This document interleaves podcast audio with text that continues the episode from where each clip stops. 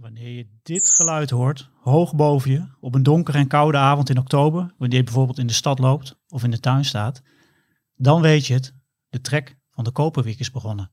Het is vandaag 29 september en ik zit hier samen met Roots-redacteur en vogelkenner Paul Beuren om meer te weten te komen over het leven van de Koperwiek. Paul, het is een vrij subtiel geluidje wat we, wat we net hoorden, wat de Koperwiek uh, maakt. Zeker. Ik heb dan niet direct het gevoel dat uh, de vogeltrek is begonnen. Klopt dat? Nou, dat heb je dan verkeerd. Want het afgelopen weekend is het al uh, behoorlijk aangetrokken in het noorden van het land. Maar trekken ze, want, want, wat ik net hoorde, dat het lijkt alsof één vogeltje hoog uh, boven mij in het duister overtrekt. Dat is dus niet zo. Er zijn er gewoon uh, flinke aantallen. Ja, het is flink losgegaan het weekend. En ook de koperwiek, dat geluid hoor je nu natuurlijk van één koperwiek. Maar normaal vliegen ze in groepjes. en dan hoor je dus ook wel een paar keer achter elkaar. Zo houden ze contact met elkaar tijdens het trek op, hoe hoog vliegen? Want, want ja, heel vaak zie je ze natuurlijk niet. Het is vaak, vaak donker, niet altijd natuurlijk. Maar uh, als je het in het donker hoort, dan zie je ze niet. Nee, klopt. Het is zo dat sommige vogels uh, trekken overdag. Mm -hmm. En andere weer s'nachts. Lijsters over het algemeen, want de koperwiek is dus een lijster. Die trekt vooral s'nachts, zeker uh, in de herfst. Dus dan hoor je ze in het donker en dan, ja... Maar wat dus zo is, is dat het merendeel van de trek zich op hele grote hoogte afspeelt. En dan hoor je ze dus niet. Uh, dat blijkt uit radaronderzoek. Miljoenen vogels maken tijdens trek gebruik van uh, hogere luchtlagen. Dus dan laten ze zich meevoeren zeg maar, met wind mee. En ze wachten ook vaak op die gunstige uh, hoge luchtstroom. Dat voelen ze aan en dan vliegen ze dus gewoon eigenlijk loodrecht omhoog. En dan laten ze zich meevoeren op, die, op de wind, zeg maar, hoog in de lucht. En zo, ze liften daarop mee en dat scheelt ze enorm veel energie. En de, ja, de dichtbijzijnste broedgebieden van de koperwiek ligt dus in Scandinavië. En zo rond eind september, begin oktober, dan gaan ze massaal op trek. En dan komen ze ons land binnen. En uh, ja, ik was dit weekend toevallig op Texel met een paar, uh, met, met, met veertien uh, roetslezers. We hadden een vogelweekend en meteen de eerste avond hoorden we ze al binnenkomen. Het was voor mij ook de eerste keer dit najaar. Dus ja, ze zijn er al, ze trekken al door. Dus je, als je in de tuin staat, dan dan kun je, kan je die horen. kopen, kan je al horen. Ja, en heb jij op, uh, op Tess, hè, waar je met, met de Roetse lezersreis was, wat, waar je al veel over verteld hebt net bij het koffiezetapparaat, wat, wat een geslaagde reis was. Maar zag je hem eerst of hoorde je hem eerst? Nou, heel veel mensen, die was eigenlijk verbazingwekkend. De meesten hadden nog nooit een Koperwiek gezien. Dus de volgende ochtend waren we bij de vuurtoren, want hè, daar zie je de je vogeltrek dan nog, s ochtends nog, zie je nog veel binnenkomen. En toen kwamen er al een paar Koperwieken erin en ze gaan soms boven in de struik zitten. Dus ik zette de eerste in de telescoop en uh, ja, de meesten hadden er nooit een gezien. Dat had ik me helemaal niet beseft. Maar uh, ja, als je zo'n vogel dan uh, mooi in beeld krijgt, dat zegt natuurlijk meer dan alleen het geluid. Maar ook het geluid hebben de mensen geleerd en vonden ze erg leuk. Ja, nou, we gaan straks nog meer horen over hoe de koperwik er eigenlijk uitziet. Maar we gaan eerst eens even naar buiten om te luisteren naar het geluid van de koperwiek.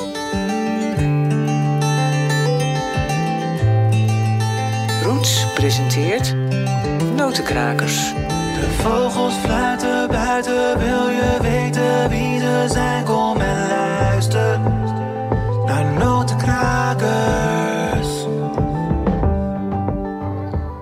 Welkom bij de podcast Notenkrakers. Mijn naam is Daniel Mulder en in deze podcast neem ik je mee in de wereld van de chilpende, zingende, piepende en kwakende vogels. Maar voor we verder gaan praten over de Koperwiek, bel ik eerst met Timo Roeken van waarneming.nl. Hij werkt daar als uh, projectleider. En hij vertelt in iedere podcast uh, wat er allemaal uh, gebeurd is in Vogelland Nederland. In Vogelvlucht. Timo, goeiedag. Goeiedag heren. Leuk je, weer, leuk je weer aan de lijn te hebben. Ja, hetzelfde. Um, ja, wat ik net in de intro zei, jij uh, praat ons iedere maand een beetje bij uh, vanuit waarneming.nl om te horen van wat er allemaal, wat er allemaal gebeurt op, op volgebied in, in Nederland. jij zit natuurlijk dicht bij het vuur. En we trappen altijd af met een, met een bijzondere soort. Welke, welke is dat deze keer? Dat is dit keer een variant op onze eigen kieviet en dat is de steppenkieviet. De steppenkieviet. Ja. Die is op, bij toeval hier uh, aangekomen? Of uh, het kievieten denk ik aan het voorjaar, niet, uh, niet nu het herfst begint te worden? Ja, kievieten zijn natuurlijk, net zoals alle plevieren, zijn het vogels die wel, af, of die wel sterk aan migratie doen. Hè? Dus ze trekken va vaak van noord naar zuid. En de stepkieviet is daar geen uitzondering op. Het is inderdaad in Nederland wel een hele, ja, wel een zeldzame soort. Um, uh, deze is ontdekt op de 27e van september en hij zit rondom de regio van Arnhem. En ik vind het zelf, ik weet niet, ik weet niet of Paul hem al ooit heeft gezien, maar ik vind het echt wel een hele mooie, ja, hele mooie kieviet eigenlijk. Hij is wat subtieler dan die van ons. Er zit geen kuif op. De kleuren zijn wat, uh, wat matte, maar toch heeft het iets. Ja, en waarom is dit, een, waarom is dit bijzonder? Nou, um, het broedgebied ligt rondom Kazachstan. Uh, bij de steppen daar. Dus de, de, de afstand maakt het een hele zeldzame vogel. En een ander punt is dat het uh, internationaal ontzettend slecht gaat met deze soort. Uh, dus ook als je richting Kazachstan gaat of andere, gebieden, andere gebieden waar die overwintert, dan is het nog steeds wel lastig om deze soort in je beeld te krijgen. Ja, dus bijzonder, bijzonder om te zien. Je vroeg net al even aan Paul van, heb jij hem wel eens gezien, Paul? Ik, Ja, maar is al een tijdje geleden al hoor. Er zat er een keer een in Utrecht, ik dacht bij Loopik of zo, en Loopik er waard, heb ik hem toen gezien. Maar uh, heb je het over de jaren negentig, dus dat is al wel uh, een jaartje of twintig uh, of langer terug. Het schijnt trouwens wel iets beter te gaan met ze. Want ja, ja. er zijn allemaal, kijk, dus het gaat natuurlijk heel slecht met sowieso met de steppen als, als gebied, zeg maar, in Europa. Steeds meer wordt gewoon ontgonnen als land, landbouwgebied. Maar uh, er zijn verschillende natuurbeschermingsprojecten gestart om die steppenkieviet uh, wat meer uh, hoop te bieden. En wat ik zo de laatste tijd wel eens horen, dat het wel in elk geval wel wat beter gaat. Maar het blijft ontzettend zeldzame vogel in, in Nederland. Ja, dus zeer bijzonder. Maar Timo, wat zei je nou? De 27e was die gespot, 27 september? Ja, klopt. Nog maar twee dagen geleden voor de opname van deze podcast in ieder geval. Ja, oké. Okay. Paul, jij zat toen dus op, uh, op Tesla. Heb je de melding nog zien binnenkomen? Jazeker, ja. ja, ja, ja maar jij zag allemaal andere mooie vogels op Tesla, dus je werd niet helemaal, uh, helemaal onrustig? Nee hoor, nee, nee, nee, nee. Ik had druk zat, dus uh, helemaal geen tijd om uh, druk te maken over vogels op het vasteland. dat moet je dan echt loslaten hoor, anders word je gek. Ja, precies. Um, de steppenkieviet, is die er nog steeds? Uh, wordt hij nog steeds gemeld, Timo? Ja, hij is vanochtend nog wel weer ingevoerd. Dus als het goed is, moet hij nog ergens rondom Arnhem moet hij nog ergens zitten. Dus je zou hem nog, uh, nog, nog ja, zien als je deze podcast uh, snel luistert. Ja, oké. Okay, um, ja, wat je ook altijd doet is even uh, een vogelsoort eruit pikken die je zelf interessant vindt. Dat doe je ook ja. altijd graag. En dan promoot je vogels die je zelf heel leuk vindt. Heb je nu ja. weer één soort of wat, wat ben je van plan?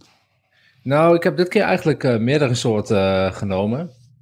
Ik vind het wel leuk om uh, de luisteraar nog even te herinneren aan het feit dat heel veel soorten die we de laatste maanden weer als normaal hebben beschouwd, zeg maar, die we eigenlijk overal wel zien en horen. Uh, voorbeeldjes, Tjiftjaf, Vitus, ja, zwartkop, grasmus, roodborstenpuit, gele kwikstaat, de boom en de veldleeuwerik. Dat zijn soorten die we in de zomer, nou, als we een stukje gaan wandelen, nog wel eens kunnen zien. En die gaan er allemaal weer vandoor. Dus uh, mocht je nog uh, mocht je die nog willen zien, dan is dit eigenlijk wel de laatste kans de aankomende week, zeg maar, om die nog even te bekijken. Ja, dat is wel grappig, want uh, ik deed het weekendje Vogels kijken samen met Klaas de Jong op Tessel. En elke keer wees hij ons op, uh, kijk, boerenzwaluw, het kan wel eens de laatste zijn. Dus ja. dat is wel... maar goed, we vlogen ja, er nog wel een heel jaartje wachten. Maar of een jaartje niet, maar een half jaartje. Ja, ze vlogen wel allemaal naar het zuiden. Dus inderdaad. En we hadden nog zingende tjiftjaf. Er is ook een uh, soort die in september uh, nog uh, gaat zingen af en toe. Was ook wel leuk. Ja, ja ook allemaal soorten die we in de podcast, althans die we in de podcast hebben behandeld. Ja. Timo, ja. welke is voor jou de meest nostalgische als je dan hebt over vertrekkende vogels? Welke wil je nog echt nog wel even zien of horen?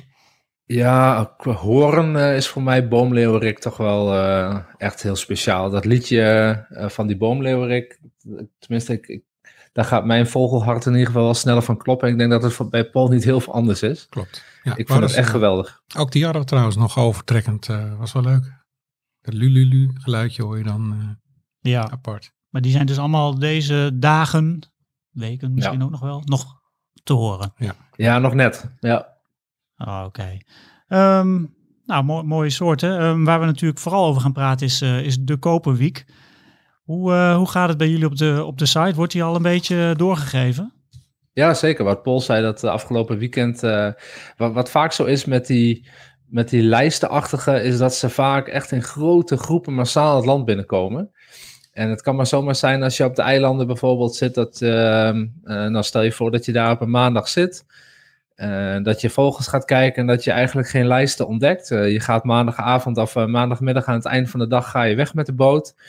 En vervolgens spreek je een vriend die nog een dag langer blijft en die zit er op de dinsdag nog en die vertelt je dat het hele eiland vol zit met lijsters. Ja. dus die komen echt in hele grote groepen, komen ze aan. En dat, merk je vooral op de eilanden, merk je dat wat meer dan in het binnenland.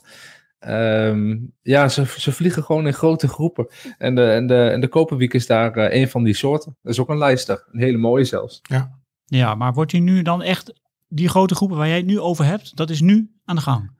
Ja, dat hele, dat echt dat massale uh, ik denk dat dat nog komt, maar uh, afgelopen weekend hebben we wel, wel een goed voorzet gehad. Goede ja. voorzet gehad. Ja. En als je het over dat massale hebt, is dat dan uh, echt maar een paar dagen dat dat echt zo in grote aantallen gaat? Of, of, gaat dat ja. wat langer over oktober en november uitgesmeerd? Nee, dat, dat, er zijn heel veel van die, van die lijsters. En er zijn ook aardig wat soorten lijsters. Dus het, het spreidt zich wel over die periode. Maar wat je voornamelijk merkt is dat als de. Ja, ik heb het idee in ieder geval dat ze zich heel erg laten leiden door het weer. Uh, dat ze vaak voor uh, grote buien voor, uh, voorvliegen of erachteraan vliegen. En dan heb je toch wel, ja, we hebben hier, zoals jullie weten, woon ik in het oosten van het land. En zelfs hier hebben we echt, op de, als je op de juiste dag bijvoorbeeld op een telpost staat, dan is het echt duizenden en duizenden. Um, nog even een uh, laatste vraag, Timo. Uh, de koper, kun je daar nog iets over zeggen hoe dat daarmee in zijn algemeenheid gaat? Zie jij daar een, een stijging in, een daling? Of is daar iets over nou, te zeggen? St stabiel. Dus uh, zoals met, volgens mij met de kramsvogel ook. elk jaar komen er heel veel waarnemingen. Het is een hele algemene soort. En dat gaat het gewoon, naar mijn weten gaat het daar. En qua waarneming in Nederland is het stabiel. Ja. En heb je hem al gehoord of niet? Ik heb hem dit jaar helaas nog niet gehoord. Nee. Ah, oké. Nee, nee. En het is ook voornamelijk um, dat je ze s'avonds hoort, zeker in het begin. Als het donker is, dan uh, hoor je ze overvliegen. En wat ik wel heel erg, uh, uh, soms hoor je het ook overdag of in de vroege ochtend.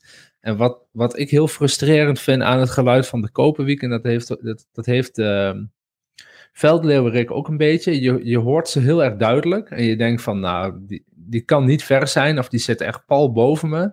En dan uh, kijk je naar boven en dan, dan zie je gewoon niets.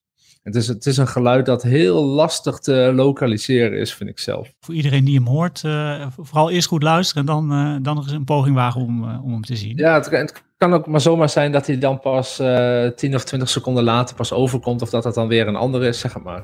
We gaan de komende tijd luisteren, Timo, naar, naar de Koperwiek. Bedankt voor je voor je mooie soorten die je hebt uh, verteld. En de volgende maand uh, bel ik je weer om te horen wat er allemaal gebeurt. Hartstikke goed. Heren, succes.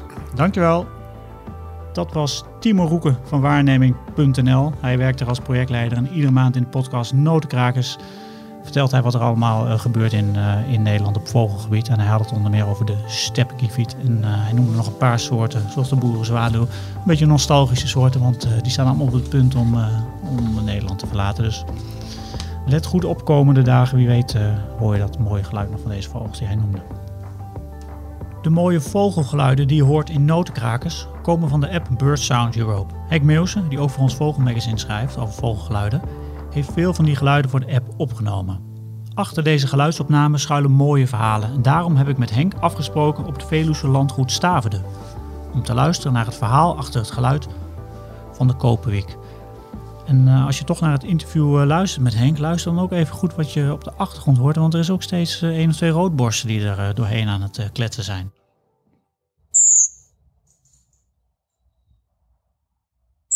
Henk, wat horen we hier allemaal? Ja, je zegt allemaal, maar het is eigenlijk maar een heel klein beetje. Het is echt maar een heel ijl geluidje. Wat heel veel mensen missen. En ik, ik hoor ze allemaal. Als ik s'nachts uit de bioscoop kom of als ik gewoon maar een wandelingetje aan het maken ben. Elke keer als ik dat hele dunne streepje hoor, dat hele dunne piep. Ja, dan komt er een koperwiek over. En dat is, uh, ik weet niet hoe, en dan, ja, ik heb er een keer een column over geschreven in uh, het Vogelmagazine. Dan heb ik elke keer de neiging als ik die koperwiek over wil komen, om, om te roepen, koperwiek, koperwiek. En het interesseert natuurlijk die mensen, als ik, als ik uit van een bioscoop kom, dan heb ik, zit ik niet per se tussen de vogelaars. Dat interesseert ze helemaal niks. Maar elke keer tijdens een gesprek gewoon, die koperwieken komen steeds, steeds langs. En ja, dat is, uh, het is, je, je, ziet, je komt uit, je komt de bioscoop, je komt buiten. Het is hartstikke donker. Met een beetje geluk heb je een mooie maan, sterren. En dan vliegt daar zo'n onzichtbare koperwiek door het universum. En ja, je weet dat die er is. En dat is alles. Maar jij loopt er dus door de straten in de stad. Allemaal geluiden om je heen, auto's, fietsers. Weet ik veel, je bent een beetje aan het praten met vrienden. En in één keer hoor je dat geluid en dan dat pik jij dat uit al die andere stadsgeluiden? Nou, dat pik ik er niet uit. Dat is niet aan het ontkomen. dat is gewoon, dat is zo'n herkenbaar geluid. Als je dat eenmaal zit, maar ook gewoon het beeld dat daar zo minuscuul, nou ja, minuscuul, een Koperwiek is uh, formaatje zanglijster. Maar dat er zo'n vogeltje daar boven door de lucht vliegt. Vaak zijn ze alleen volgens mij, of je hoort nooit groepen. Dat daar hoog in de lucht één zo'n vogeltje piep door die lucht vliegt. Dat, dat is, dus het gaat mij niet alleen om het geluid, maar ook om het idee. Dat zo'n vogel daar in zijn eentje vanaf Scandinavië komt en, en door de lucht gaat en af en toe roept om contact met zijn soortgenoten te houden. Dat, dat, dat vind ik fascinerend. Maar als je het geluid hoort, het is heel subtiel, heel uh, ja, eenzaam bijna. Um, dan verbaast het mij wel dat je dat eruit pikt als jij uit een bioscoop komt. Ja, maar dat is dan misschien de, het geoefende oor van de, van de vogelaar. En misschien ook wel ja, ik vind het moeilijk om te zeggen wat mij daar zo aan fascineert. Maar het is, het is, er komen genoeg vogels langs natuurlijk. Je, hoort in oktober ook uh, ganzen overkomen. Of, uh, maar dan heb ik niet de neiging om elke keer te roepen... Hé, hey, groepje koolganzen, hey, groepje brandganzen. Maar als die koperwiek overkomt, dan heb ik elke keer de neiging om tegen iemand aan te stoten... Hey, hoor je dat, koperwiek? En ga je ook automatisch omhoog kijken? Ja, dat heeft eigenlijk geen zin als je s'nachts als je, uh, buiten komt. Dus ze trekken overdag ook wel, en ochtends vroeg. Dus dan dan kijk ik wel. Maar dat hoef ik niet per se te zien. Ik ken de Koperwiek, ja, maar dat is een beetje mijn, mijn ja, ik zou ja, niet mijn makker, maar ik, ik ben helemaal van het geluid. Ik weet hoe die Koperwiek eruit ziet. Misschien is het wel zo dat door dat roepje, dat beeld automatisch in me, in naar boven komt. En dan zie je die mooie oogstreep en die, uh, die roestbruine vlekken onder zijn, onder zijn vleugels. Dus ik heb aan het geluidje genoeg om dat hele beeld op te roepen. Dus ik hoef niet per se te kijken. Maar ik vind het wel een beetje een melancholisch beeld. Zo'n zo'n zo'n klein vogeltje wat dan in een donkere nacht overvliegt. Het geluid produceert en jou dus blijkbaar triggert als jij in de stad loopt. Ja, ja wat, wat is melancholisch? Ik kan ook denken, oh, het beestje is de, de winter ontvlucht en is op zoek naar, nou ja, hier of daar een struik vol met uh, duindorens of meidorens. Of en als hij die plek gevonden heeft, nou, dan heeft hij een kostje gekocht en dan uh, komt hij de winter wel door. Dus het is, ik vind het een mooi beeld van, van een beest wat uh, honderden, duizenden kilometers vliegt om de winter te ontvluchten. En uh, nou ja, nee, ik vind het een mooi, uh, ik vind het een mooi beeld. En is het een geluid wat je de hele winter hoort? Of hoe werkt dat? Nou, mijn ervaring is wel dat je, nou, in ieder geval ergens in oktober begint het. Ik weet niet precies wanneer, maar volgens mij begin oktober al. En dat gaat echt wel maanden door. Dus niet zo dat je een, je, hebt, je hebt wel trekpieken. Maar het gebeurt echt heel vaak dat, ja, dat je in de oktober, november, december niet buiten kunt komen of je hoort die roep. En hoor je hem in het, in het voorjaar ook nog of niet? Ja, het rare is, misschien ben ik op de Koperwiek afgesteld in die periode. Misschien toch, heb je toch een beetje gelijk, misschien toch een beetje melancholie. Als het voorjaar wordt, dan ga je, ja, ga je opletten of de spechten al uh, roffelen en of de lijster al zingen. Het is wel zo, um, en dat is me maar één keer gebeurd, dat ik in Nederland ook een zingende Koperwiek heb gehoord. En dat is wel, uh, dat is wel bijzonder. Toen wist ik ook nog niet wat ik hoorde. Want ja, de Koperwiek uh, in Scandinavië zit, zingen die overal. Ochtends, zoals bij ons al die merels beginnen. Je hebt daar ook merels, maar er zingen heel veel Koperwieken. En daar in die zang zit ook wel wat melancholie. En het geluid wat we net aan het begin hoorden, uh, waar heb je dat eigenlijk opgenomen? Nou, dat is een mooie. Die heb ik niet opgenomen. Die is een opname van Peter Boesman. Um, een Vlaming die heel veel opnames maakt. En ik gebruik uh, voor de app uh, af en toe geluiden van anderen. Dus um, ik weet zelfs niet dat is ook weer typisch, hè? Dan ben ik zo gek op het geluid van die Koperwiek. En ik vraag me af of ik zelf eigenlijk al serieus heb geprobeerd om het geluid op te nemen. Dat komt, jij gaat steeds naar de film en dan kun je hem ook niet opnemen. nee, maar ik hoor hem ook op andere plekken. Maar dan weet ik dat hij in de app zit en dan is het een mooi geluid. En het is toch ook wel een beetje onvoorspelbaar. Want als het donker is, dan kun je heel moeilijk richten. Je weet nooit of je het gaat tegenkomen. En als het licht is, nou, ik zou het eens kunnen proberen. En misschien heb ik wel een opname van. Maar het grappige is dat, dat, dat er zijn andere opnames van andere soorten. Die staan met geheugen gegrift. Omdat, misschien ook omdat je dan bij de vogel staat. En dat je echt uitgebreid kunt bekijken. Dat het spannend is om de opname te maken. Maar dit is, ja, dit komt langs. Je richt de microfoon erop en heb je hem. Dus dit soort dingen roepen niet van die sterke herinnering op.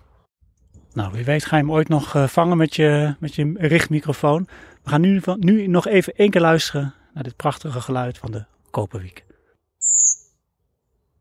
Ja, je luisterde naar Henk Meeuwsen. Zoals gezegd, eh, de man achter de app eh, Bird Sounds Europe. En op die app staan allerlei prachtige vogelgeluiden. Die moet je zeker eventjes even downloaden. Dan heb je heel vogelgeluid van, van, van Europa in je broekzak. Paul, we gaan het, eh, zoals je weet, hebben we het over, eh, over de Koperwiek. En je vertelde het al een beetje. Ze komen eh, vanuit, vanuit het noorden komen ze aangevlogen naar Nederland. Honderden kilometers hebben ze dan achter de rug. En ik vraag me dan af, dan komen ze aan in Nederland. En dan? Dan kom je hier als Koperwiek, hongerig, moe, nat wellicht van, van, van de regen. Ja, hondsmoe en Hondsmoe. hongerig. En ja, wat doe je dan? Nou, het is het eerste wat ze doen is naar beneden kachelen en dan eh, verstoppen ze zich in de bosjes. En dan gaan ze eens goed om hen heen loeren waar, eh, waar wat te vinden is. Nou, zoals nu in het najaar eh, zitten natuurlijk overal bessen aan de struiken. Dus dat is eh, op zich wel het hoofdvoedsel. Later in het najaar dan gaan ze ook naar de grond. Want ze zijn ook gek van insecten en wormen, net als onze gewone merel. Dus ze duiken gewoon op een veldje neer eh, met z'n allen. Zitten altijd in groepen, niet alleen, maar in groepen. Om eh, goed de vijanden, hè. zo'n sperwer, jagende die loert natuurlijk op ze. En om alles goed in de gaten te houden. En dan, eh, als, dan kan je ze goed zien. En dan eh, zitten ze in het gras en dan houden ze af en toe, dan, dan hippen ze weer een tijdje. En dan houden ze hun kopje een beetje schuin omhoog.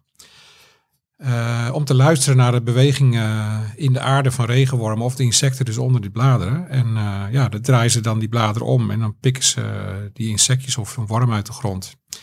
En verder snoepen ze heel graag ook van bijvoorbeeld overgebleven druiven in tuinen. En, maar vooral ja, pestdragende struiken. Met, met, met, dit jaar zit het helemaal vol. Want welke struiken hebben we het dan over? Met name, eh, ja, noem het lijsterbes is heel erg in trek. En ik zag eh, op de eilanden, echt die lijsterbessen zitten helemaal vol met bessen. Maar natuurlijk ook meidoorn eh, en, en, ja, en vooral ook bramen. Ze zijn gek op bramen. Dus die vinden ze natuurlijk overal. En dan hoor je dat geritsel in de struiken. En ja, dat is echt. En dan af en toe hoor je weer die roep. En dan weet je van, oh, ze zitten hierin. in En dan hoor je weer wat geritsel van die vleugeltjes en zo. Maar ja, en dan moet je hem natuurlijk in beeld zien te krijgen. Hè? En dat, eh, dat valt nog helemaal niet mee. Nee, dat vertelde Timo net ook al even. Dat het horen, eh, nou dat is ding één. Maar eh, ze zien is, is een tweede. Ja, je hoort ze constant in de lucht. En, en nou, ik was dus met die mensen dit weekend op Tesla. En dan hoor je ze ook best wel regelmatig. Het, was, het zijn nog niet de aantallen, de duizenden of miljoenen. Maar dat, dat komt waarschijnlijk dan komend weekend. Hè. Meestal begin oktober, dan, dan gaat het echt los. Dan, dan, en dan hoor je overal koperwieken. Maar ja, zie ze maar eens. Hè. En eh, nou, op een gegeven moment hadden we een groepje en die waren dan geland. En er zat er eentje boven in de boom. En ik zet hem dus in de telescoop. En ja, dan zie je die kop. En die kop is gewoon, eh, is heel, hij heeft een hele mooie, eh, ja, noemen wij dat als vogelaars een wenkbrauwstreep, zeg maar boven het oog. En die is een beetje geelachtig. Maar ze hebben ook gestreepte flanken. Ze hebben dat roestbruine aan, aan de zijkant. Als ze opvliegen hebben ze ook roestbruin ondervleugels. Wat is dat? Waarom ze koperwiek heten? Dat roesbruin en die Ja. kleur? Of? Ja, dat is dus roestrood noemen ze dat. En eh, ja, in Engeland heten ze daarom ook redwing. Als je hem over ziet vliegen. Een zangenlijster heeft dus eh, gewoon grijze ondervleugels. En zo'n koperwiek heeft echt eh, dat rode op zijn ondervleugel. En dat, ja, en, maar ook op de flank dus. En daarom heet ze koperwiek. En ja, ze hebben een opvallende wenkbrauw en een mondstreep. En eh, dat is ook wel grappig om even te noemen. In de, de winter eh, zijn die strepen meer geelachtig. En naar het voorjaar toe worden ze wit. Dus dat is eh, waardoor ze eigenlijk nog meer opvallen. Oh, Oké, maar het kenmerk van de koperwiek is toch die, die okseltjes die een beetje roe- Ja, ja, roest- de oksels en de, de flanken, zeg maar, die zijn ook roestbruinig eh, rood. En, en ze zijn gestreept en dan ja, heel veel strepen op de kop. Ja, maar nog te verwarren met een andere Nee, Soort? Nee hoor, nee. Als je hem eenmaal hebt in de kijker, wat dus niet zo makkelijk is. Maar als je hem eenmaal hebt, dan weet je zeker. Het is echt een hele Koperwiek. donkere lijster en dat roodbruin op de zijkant, dat eh, heeft eh, geen andere lijster die algemeen bij ons voorkomt. Nee. Ja, en ehm, ja, wat, eh, wat ik me ook afvraag eigenlijk. het is een trekvogel, hij komt dus nu in Nederland binnen. Ja. Zijn er ook koperwieken die gewoon een jaar rond in Nederland zitten? Broeders hier ook? Nou, nee, eigenlijk niet. Eigenlijk soms wel apart, hè, want je denkt van ja, het is toch een soort ook een merel, hij eet ook hetzelfde voedsel, maar het is gewoon, eh, ja, het is eigenlijk de lijster van eh, Scandinavië en eh, tot ver in Rusland. En daar, ja, daar broeden ze, daar broeden ze of alleen of soms in kleine kolonies. Ze maken hun nest in een, in een struik, eigenlijk net zoals de merel, ook komvormig. Beetje gevoerd met gras, mosjes, twijgjes en wat modder wat ze uit van de grond afhalen. En ehm, ja, eigenlijk eh, weinig verschil. Maar ja, dat heb je gewoon met sommige soorten. Die, eh, die broeden weer in andere streken dan, eh, dan de onze. En wat dus wel zo is, is dat een groot deel trekt nu dus straks over. Het, het allergrootste deel vliegt eigenlijk door naar Zuid-Europa, Frankrijk, Spanje. En ehm, een heel klein deel blijft, blijft gewoon bij ons. Zolang er maar bessen zijn en zolang het maar niet vriest, zodat ze gewoon voedsel kunnen vinden in het, eh, in het gras. En ehm, ja, Oké, dus het is niet een soort die eh, als het inderdaad begint te vriezen en te sneeuwen, dan zijn ze gewoon vertrokken. Dan gaan ze naar België, Frankrijk of... nou, als het echt heel slecht weer wordt en, ze, en langdurig sneeuw en fors, wat we eigenlijk nooit meer, bijna nooit meer meemaken, maar dan vliegen ze wel allemaal echt door naar eh, zeg maar tot onder de vorstgrens. Maar zolang het gewoon een relatief zachte winter eh, blijft en de, de- er nog voedsel is, zal een deel ook gewoon hier blijven. Ja, nou dat is, eh, dat is een duidelijk verhaal. Wat je ook altijd even doet, eh, is een paar bijzondere feitjes over de koperwiek in dit geval vertellen. Heb je nog wat gevonden? Ja, wat, wat, wat wel grappig is, is dat er zit ook een populatie koperwiek op IJsland. En dat is dus ook een, echt een IJslandse ondersoort. Voor mensen die daar wel eens geweest zijn, of misschien de afgelopen zomer, die daar een koperwiek gezien hebben. Zal het misschien opgevallen zijn dat die vogels nog veel donkerder zijn dan, eh, dan die vogels die we hier zien. Ze hebben veel zwaardere strepen op, eigenlijk helemaal dicht gestreept op de flanken en op de borst. Maar ja, het is echt voor een diehard vogelaar, die, die ziet dat. Maar, eh, en er worden ook wel eh, IJslandse vogelaars gezien in Nederland. Of IJ- IJslandse vogelaar. IJslandse koperwiek Ook, op, ook eh, waarschijnlijk, maar op, in Nederland gezien. En dan met name langs de kust. Dus op Texel zitten er altijd wel één of twee bijvoorbeeld. En, dus ze komen hier wel voor. Maar het grootste deel van die koperwieken overwintert in Groot-Brittannië en westkust van Frankrijk tot Iberië. En die komen eigenlijk niet hier. Nee. Maar heet, ze, heet hij ook gewoon koperwiek of heeft hij nog een aparte naam? Eh, nee, het is de IJslandse koperwiek. IJslandse koperwiek, Ja. zo, zo wordt hij... eh, het is geen aparte soort, maar wel een, eh, een ondersoort zoals ze dat noemen. Ja, maar voor een beginnende vogelaar, hè, waar deze podcast toch ook een beetje voor bedoeld is, als ze aan de kust zijn op Texel, ik noem maar eens even een dwarsstraat, en ze zien een koperwiek, dan kan het maar zo zijn dat het dus de IJslands is, zonder dat ze het doorhebben. Ja, je moet maar eens googlen. Dan zie je op die foto's zie je eh, wel het verschil. Ze zijn echt, wat ik zei al, veel dichter. eh, ja, heel, bij, zeg maar de vlekjes die bij een koperwiek los van elkaar zitten, zitten bij de IJslandse aan elkaar. Dat is eigenlijk het enige verschil. En wat misschien ook wel grappig is, eh, eh, de mannetjes en vrouwtjes van koperwiek zijn helemaal eigenlijk identiek qua kleed. Er is alleen één subtiel verschil, is dat het mannetje heeft een kortere staart. Dus eh, nou ja, ik zou zeggen, Leef je uit. leef je uit. Leef je uit. Nou, mooie, mo- mooie weetjes, Paul.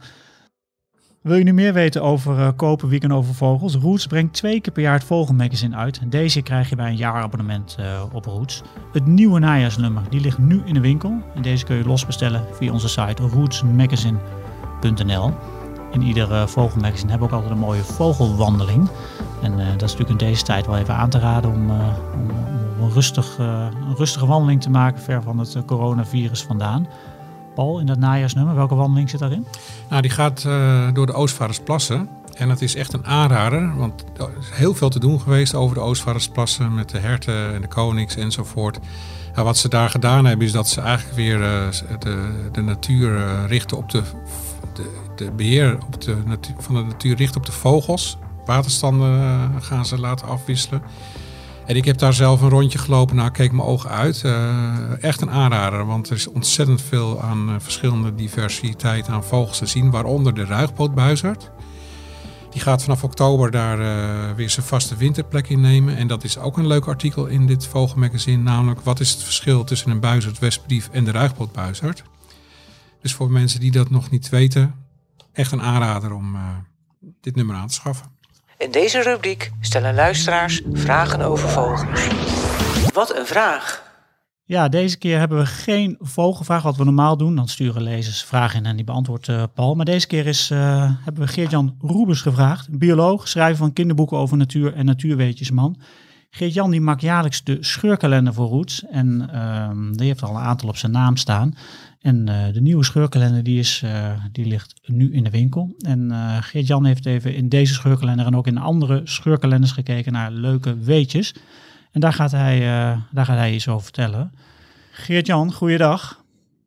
Goeiedag. Ja, wat ik net al even zei, jij bent, jij bent gek op, op natuurweetjes. Daar doe je heel veel mee in je, in je kinderboeken volgens mij en in onze scheurkalender. Hoe, hoe komt dat zo dat je zo dol bent op die weetjes? Ja, misschien een beetje in die zin luiheid dat ik meer binnen ben dan buiten. Dat, mag ik natuurlijk eigenlijk niet zeggen onder uh, dit uh, publiek. maar nee, ik hou heel erg van buiten zijn, maar ik vind het ook heerlijk om in, in, in, boeken te bladeren. En ja, het, er zit natuurlijk in boeken zit zoveel wijsheid waar soms letterlijk jaren werk aan onderzoek achter zit. En ja, dat moet je maar lekker uitmelken, vind ik want voordat je eh, bijvoorbeeld ziet hoe de tenen van een eh, visarend. Nou, ik, ik zie heel af en toe eh, wel eens een visarend. En dat vind ik fantastisch. Maar ik heb eigenlijk nog nooit goed zijn tenen gezien. En dat hij nou, stekeltjes onder zijn voetzolen heeft en zo. Dat zal je toch echt uit boeken moeten halen. En dat hij zijn buitenste teen naar achter kan draaien. Zodat hij twee tenen voor heeft en twee tenen achter en zo beter vissen kan grijpen. Ja, dat, dat zijn toch, uh, dat, dat zou je eh, waarschijnlijk nog wel in het echt kunnen zien, maar dat kost je uren. En het is natuurlijk allemaal zo op te lepelen uit, uh, uit boeken. Ja, maar... En ik, uh, ik laat me nog elke dag weer verrassen, merk ik. Ja, want uh, het feitje wat je nu noemt hè, over, uh, over de visarend heeft uh, bijzondere voeten of poten, of ik weet niet hoe ik dat precies moet noemen. Dat, dat is een weetje die je een keer in, of in de scheurkalender... ja, die staat dit jaar, als ik het wel heb, op de, op de scheurkalender. Ja, maar ja. nog even, ja, zijn buiten zit, wat zeg je nou? Hij kan een soort spagaat of zo, of hoe moet ik dat zien? Ja, eigenlijk is het een spagaat. Is wel een mooie uitdrukking. Maar de standaard vogelvoet, heeft natuurlijk drie, nou dat hij vier tenen heeft, dat een hele, hoop mensen die verbazen zich daar al over. Hè? Eh, kinderen ook van het aantal tenen van een vogel. Ja, dat is dus nooit vijf. Maar eigenlijk is de standaard is vier. En dan heb je ook nog wel uh, van die rare, zoals de struisvogel, die heeft er dan weer twee. En de drieteen strandloper, die heeft er natuurlijk drie. Maar de, de visarend heeft er dan vier. En dat eigenlijk staat, normaal staan er wel drie naar voren en één naar achter. Dat is een normale vogelpoot. De vis aan het heeft dat eigenlijk ook. Maar zodra hij een vis wil pakken, dan draait hij zijn buitenste teen, zeg maar zijn pink, als je het even voor je hand doet. Ja. Uh, draait hij naar achter. Of nee, zijn pink heeft hij dan eigenlijk al naar achter staan, of zijn duim. Nou, dit is even, misschien wat ingewikkeld. In ieder geval, zijn, zijn, aan zijn rechterhand doet hij zijn rechterteen ook naar achter. Oh, Zodat hij de twee naar voren heeft. Uh, dat waren de drie en dat ja. worden de twee en twee achter. Ja, en dan kan je je voorstellen, dat geeft wat meer grip dan eentje achter. En hij is gespecialiseerd op glibberige prooi, dus vissen. Ja. En uh, blijkbaar werkt dat beter. En heeft hij ook, uh, ja, is het uitgeselecteerd met een hele lenige teen. Die twee kanten op. Uilen hebben dat trouwens ook, hè. Die, zitten ook tussen. Het, ik moet wel eens dingetjes controleren, bijvoorbeeld. Of poppetjes kloppen heb ik wel eens gedaan. En, of tekeningen. Mm -hmm. En ik merk dat veel uh, tekenaars bijvoorbeeld een handje hebben om, om soms een uil uh, verkeerd te tekenen. Die pakt, uh, nou zeker een prooi pakt hij ook vaak met twee tenen naar achter. Ja. En op een tak zitten doet hij soms wel eens met drie tenen naar voren, maar ook vaak met met twee naar achter. Dus die heeft ook van die lenige tenen. Ja, okay. Nou, vind ik allemaal leuke dingen om te weten. Absoluut, absoluut uh, leuk om, om te ja. horen. En uh, uh, bijzonder weet je ook, want daar moet je dus echt op letten. Paul, ehm, wist jij dit? Ja, want ik heb een eh, boek over roofvogels geschreven. Dus dat, eh, oké. En uilen, dus dat moet ik natuurlijk wel weten. Maar Heb je het ook wel eens gezien? Ja, ik heb het ook wel gezien, want ik ben, eh, ik ben wel eens in Schotland geweest. En heb ik een tijdje bij zo'n visarendnest gezeten. En eh, dan zie je ze daar gewoon in het meer vissen. En ook in de, in de biesbos heb ik ze wel eens eh, een vis zien pakken. Wat ook heel bijzonder is, is waarom dat op het moment dat zo'n visarend zo'n vis uit het water pakt, dan pakt hij hem dus altijd in zijn rug met de kop naar voren. Want als Oh, hij ja. zeg maar tegen de, hè, tegen de luchtstroom in, als die staart nog zou zwenken, dat is natuurlijk heel, eh, ja, dat is niet echt bevorderlijk voor het wegvliegen. Want het is voor zo'n visarend ook best wel een gevaar. Want op het moment dat hij een vis pakt die gewoon heel zwaar is, eh, en die nagels zitten in die rug, dan, eh, dat is ook wel gebeurd, dat ze gewoon naar beneden, letterlijk naar beneden getrokken worden.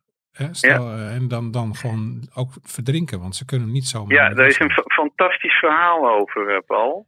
Ik weet niet of je dat kent, dat er ooit in, ik geloof in Duitsland, een, een visser is geweest. Dus een karpervisser, die ving een enorme karper.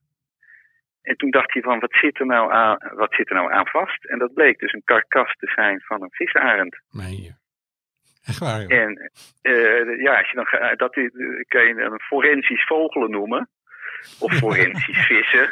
Ja, Hè, ja. van wat is het verhaal hierachter? Ja, Ja, nou dat kan je wel raden. nou zeker. Hè? Er is een eh, visarend die eh, had een te groot En ik moet zeggen dat, dus dat is ook een van die dingen die wist ik, ja, die, eh, toen moest ik ook echt lezen voordat ik me te realiseerde. Van de visarend, wij vinden hem heel bijzonder. Het is ook eigenlijk, eh, ja, het is natuurlijk een hele bijzondere, maar wij vinden het een zeldzaamheid toch nog steeds wel. Maar het is de, de vogel met de grootste verspreiding ter wereld. Even los van misschien wat zeevogeltjes. Ja, je komt overal tegen. Ja, klopt. Ja, komt overal tegen. En ik ken hem inderdaad van mijn veldwerk. Ik heb ooit marineonderzoek gedaan in veldwerk op Bonaire. Ja, daar zat je ook visarenden. En die, die had inderdaad ook een papegaaivis. Nou, te- dat ziet er al vreemd uit dan. Van een visarend associeer je een beetje met, eh, met onze streken. Ja. Ja, dus zit ze ook gewoon in het tropen. Maar daar kwam die ook niet mee weg hoor, met die papegaaivis. Nee. Dat is gewoon het oog eh, was groter dan eh, Eh, de licht, klauw. ja, eh, lichte Ja. overmoed eh, is er niet vreemd. Wat ik trouwens nog even wil zeggen over die drie tenen. Dat, eh, dat is vaak ons grapje. Ik doe eh vogelweekend en reis met Klaas de Jong. En dan zien we, zoals we afgelopen weekend zagen we ook de drieteen strandloper op Tesla. Oh, ja. Hè, die loopt dan langs eh, de golven te rennen. En dan zie je inderdaad drie tenen. Maar de naam drieteen strandloper slaat natuurlijk echt helemaal nergens op. Want hij heeft er natuurlijk zes. Ah. Maar goed. Oké, oké, oké. Dit, dit is vogelaarshumor.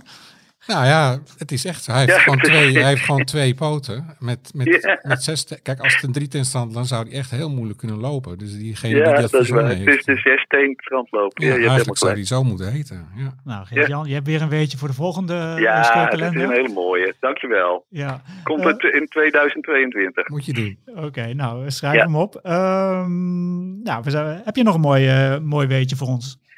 Eh, nou, misschien een, een beetje een aanleiding van. Dus ik heb nu even in de kalender zitten bladeren op t- 12 oktober. Of dat is die voor volgend jaar. Dan van dat, dat gaat over de, de geoorde vuut. Wat daar de Engelse naam is. Ik vind de namen ook altijd wel intrigerend. En dan, eh, ja, dan zou je dus denken dat zal ook wel iets met oren zijn. Eh, en als je hem ziet, dan heeft hij een knalrood oog. Dus daar zou je dan verwijzen. Maar hij is dus de black-necked grebe. Dus de zwartnekvuut. Nou ja, dat, dat blijkt. Zo kan je hem in het veld natuurlijk wel goed herkennen. Maar eh, dat, dat vogels een hele andere naam hebben. Maar naar aanleiding van die vuut.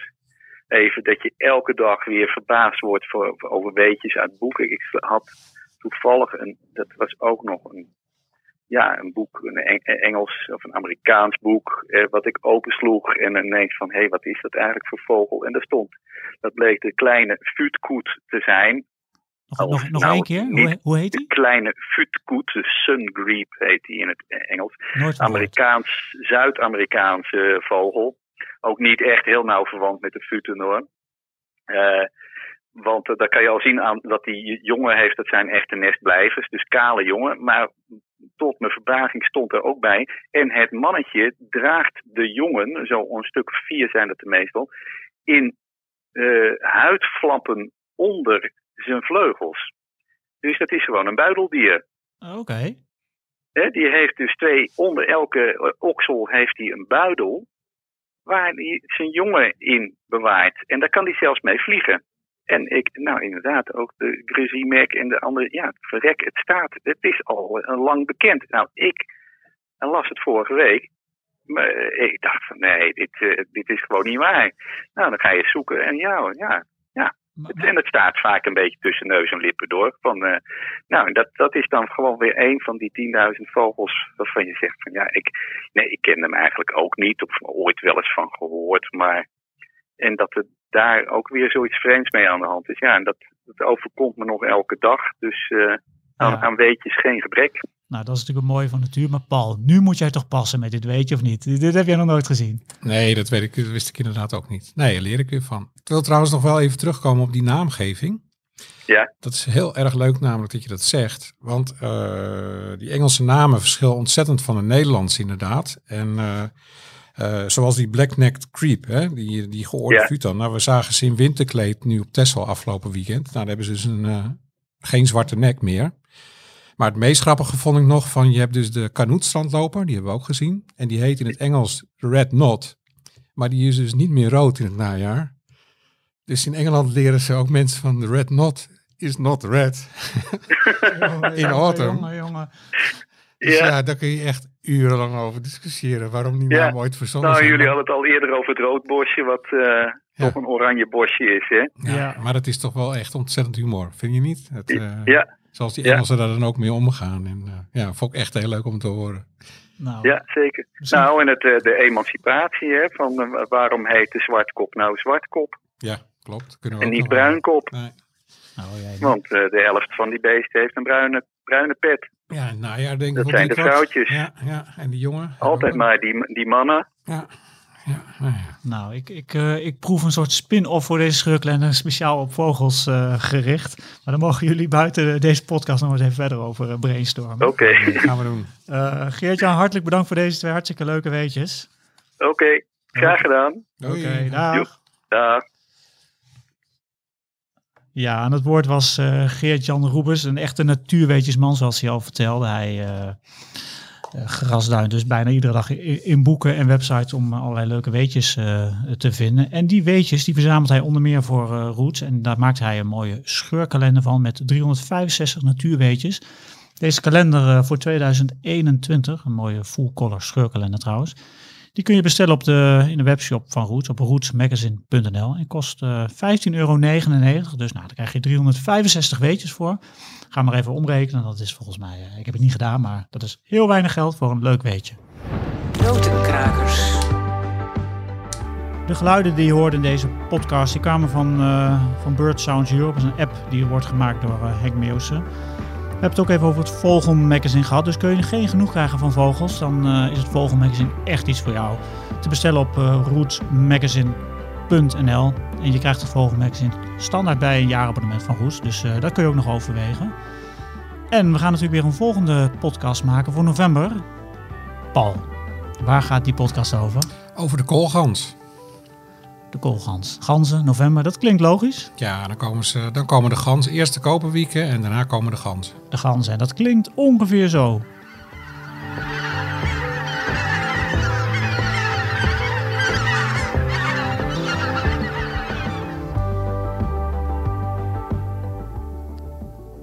Koolganzen? Ja, dat waren koolganzen. Oh, Oké, okay. nou dan gaan we de... Dan gaan we de volgende maand uh, gaan we daar alles over horen, over, uh, over, deze, over deze gans die dat prachtige geluid maakt. Maar voor we, voor we dat gaan doen, gaan we eerst nog even één keer luisteren naar die prachtige roep van de koperweek die je s'nachts kunt horen in het donker.